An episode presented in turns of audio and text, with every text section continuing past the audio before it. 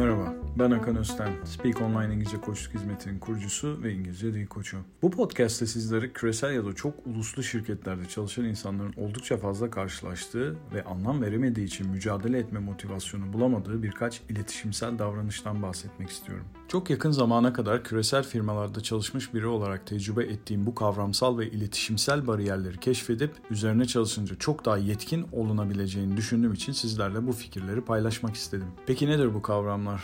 Algılama, uygulama ve beklenti farkları. Çok uluslu firmalarda çalışmak çok kültürlü bir ortamda ve çok farklı kültürlerin kesiştiği bir efor yumağı içerisinde olmaktır aslında. Ve bu ortamlarda ana diliniz olmayan bir dil kullanarak hem işinizi iyi ve doğru yapmalı hem de iletişiminizi iyi kurmanız gerekir. Yüksek nitelik ve beceri sahibi insanların bol olduğu ortamlarda çokça çatışma ve fikir ayrılıkları da yaşanır doğal olarak. Bu tür ortamlarda çalışmak öğrenmeyi gerektirdiği kadar bildiğimiz bazı şeylerin de törpülenmesi ve ortak fayda için işlemesi gereken mutlak davranışlar haline gelmesi gerekir. Kendi kültürümüzden ve ana dilimizden insanlarla bile iş yapmak zaten yeterince zordur. Kültürler arasında iş yapmak ise bu işleyişe yepyeni bir karmaşıklık katmanı ekler. Ancak günümüz iş dünyasında yerel ve küresel farklı geçmişlere ve kültürlere sahip meslektaşlar, müşteriler ve iş ortaklarıyla çalışmamız kaçınılmazdır. Peki ticari etkileşimlerimizin başarılı olması için doğru yaklaşımlarla işlediğimizden nasıl emin olabiliriz? Bu sorunun cevabını başka bir soru sorarak cevaplamamız gerektiğini düşünüyorum. Bu soru ise kültürel farklılıkların ve iletişim zorluklarının yolumuza çıkmasını nasıl önleyebiliriz sorusu.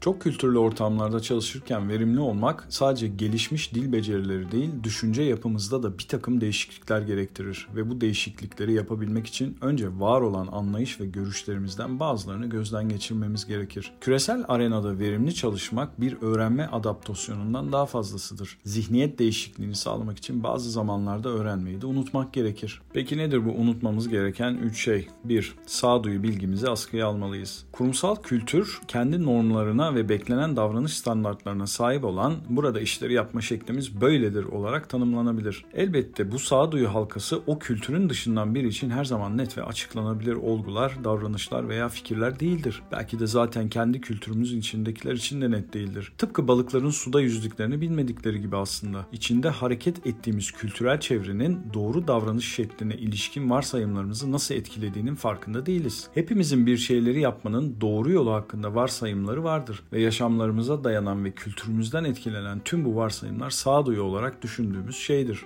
Voltaire'in de dediği gibi sağduyu o kadar yaygın değildir.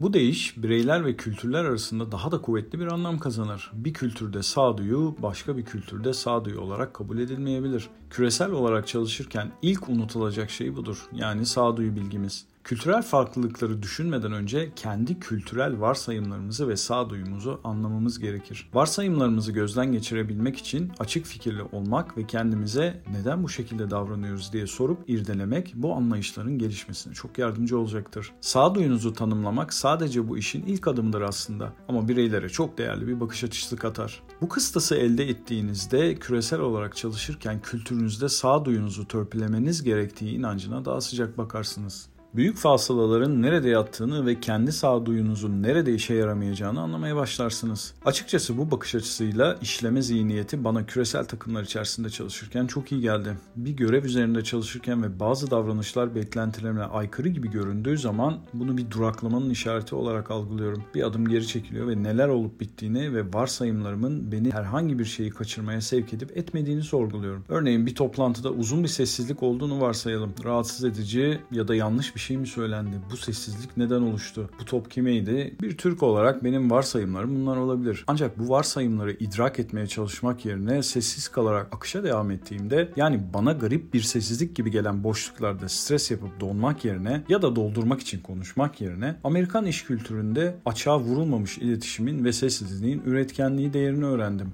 2. Altın kurallarınızı mutlaka gözden geçirip kullanın. Çoğu kültürde altın kuralların varyasyonları vardır. Başkalarına kendinize nasıl davranılmasını istediğinizi gösterin. İyi karşılanmak istiyorsan ılımlı ol gibi. Öyleyse çok kültürlü ortamlarda çalışırken benim altın kurallarım çok işe yarayacak fikri aslında berbat bir fikir ve yaklaşımdır maalesef. Peki neden? Çünkü zihniyet farklılıkları ve varsayımlar insanlara nasıl davranılması gerektiği ve insanların nasıl davranması gerektiği farklılıklarını oluşturmaktadır. Farklı bağlamlarımız ve geçmişlerimiz diğer insanlara en iyi davranış yöntemini değerinin ne olduğu ve dolayısıyla nasıl davranılmayı beklediğimiz konusunda farklı fikirlere yol açar. Başka kültürlerden insanlara kendi standartlarınıza ve nasıl davranılmasını beklediğinize göre davranırsanız kendinizi felaket bir senaryoya hazırlamış olursunuz. Tersine başka kültürlerden gelenlerin size beklediğiniz şekilde davranmasını beklemeyin. Bu noktada en iyi davranış seçimi nedir peki? Altın kuralı yani başkalarına nasıl davranılmasını isterlerse o şekilde davranın olan kuralı platin kural yapın.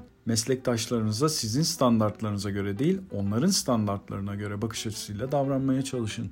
Bu platin kuralı uygulamak diğer kültürleri incelemeyi neyin uygun davranış şekli olarak kabul edildiğini görmenizi sağlayacaktır. Uygulaması kolay olmayan bu davranış ancak zaman ve pratikle gelişir. Diğer kültürler hakkında bilgi edinebilir, davranışları öğrenebilir ve sonra bunu eyleme dönüştürebilirsiniz. Başkalarının nasıl pazarlık ettiğini, nasıl iletişim kurduğunu, nasıl bir fikre katılmadığını, nasıl güven inşa ettiğini ve sürdürdüğünü zaman içerisinde gözlemleyerek anlayacaksınız. Daha sonra ekip bireylerinin kültürünü anlamak için kendi davranışımızı genişletebileceğimizden ve varsayımlarımızı olabildiğince bastırabileceğimizden emin olmamız gerekir. Ne zaman el sıkışacağımızı, ne zaman konuşacağımızı veya sessiz olacağımızı zamanla öğreneceğiz. Diğer kültürleri incelemek bir gerekliliktir ve bu bilgiyi platin kuralı ile birlikte kullanmak sizi kültürler arası yetkinlik yolunda etkin kılacaktır. Ancak gerçekten etkili olmak ve total ekip işleyişini sağlamak için düşünce yapımızda biraz daha törpüleme yapmamız gerekir. 3. Farklılıkları vurgulamayı ve üzerinde durmayı bırakın. Çok kültürlü ortamlarda çalışırken farklılıklara odaklanmaya yönelik doğal bir eğilim vardır. Çünkü burası mayınlara basma veya zorluklarla karşılaşma olasılığınızın en yüksek olduğu alanlardır. Kültürler arası iletişim üzerine pek çok literatür ve eğitim boşluklar ve farklılıklar üzerine durmaktadır.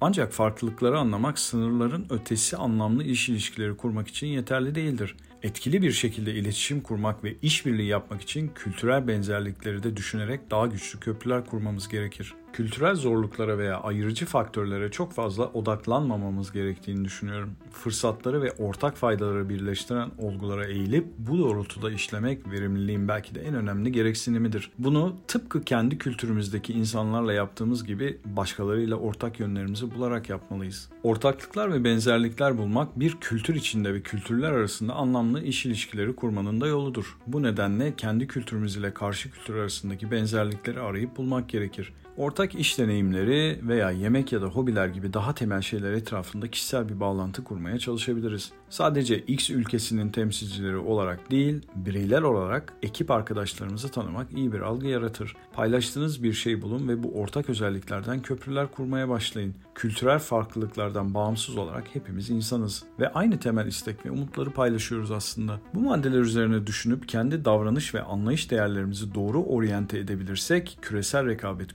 gücümüz ve işleyişimiz pozitif olarak gelişecektir ve bizleri küresel lider kimlikler olma yolunda hızla ilerletecektir diye düşünüyorum. Peki ya sizce çok kültürlü ortamlarda sadece iyi İngilizce dil becerilerine hakim olmak yeterli midir? Yoksa stratejik ve mesleki başarı için kültürel eğilimleri de bilmemiz ve irdelememiz gerekir mi? Bir sonraki podcast'te görüşmek üzere. Sağlıklı günler.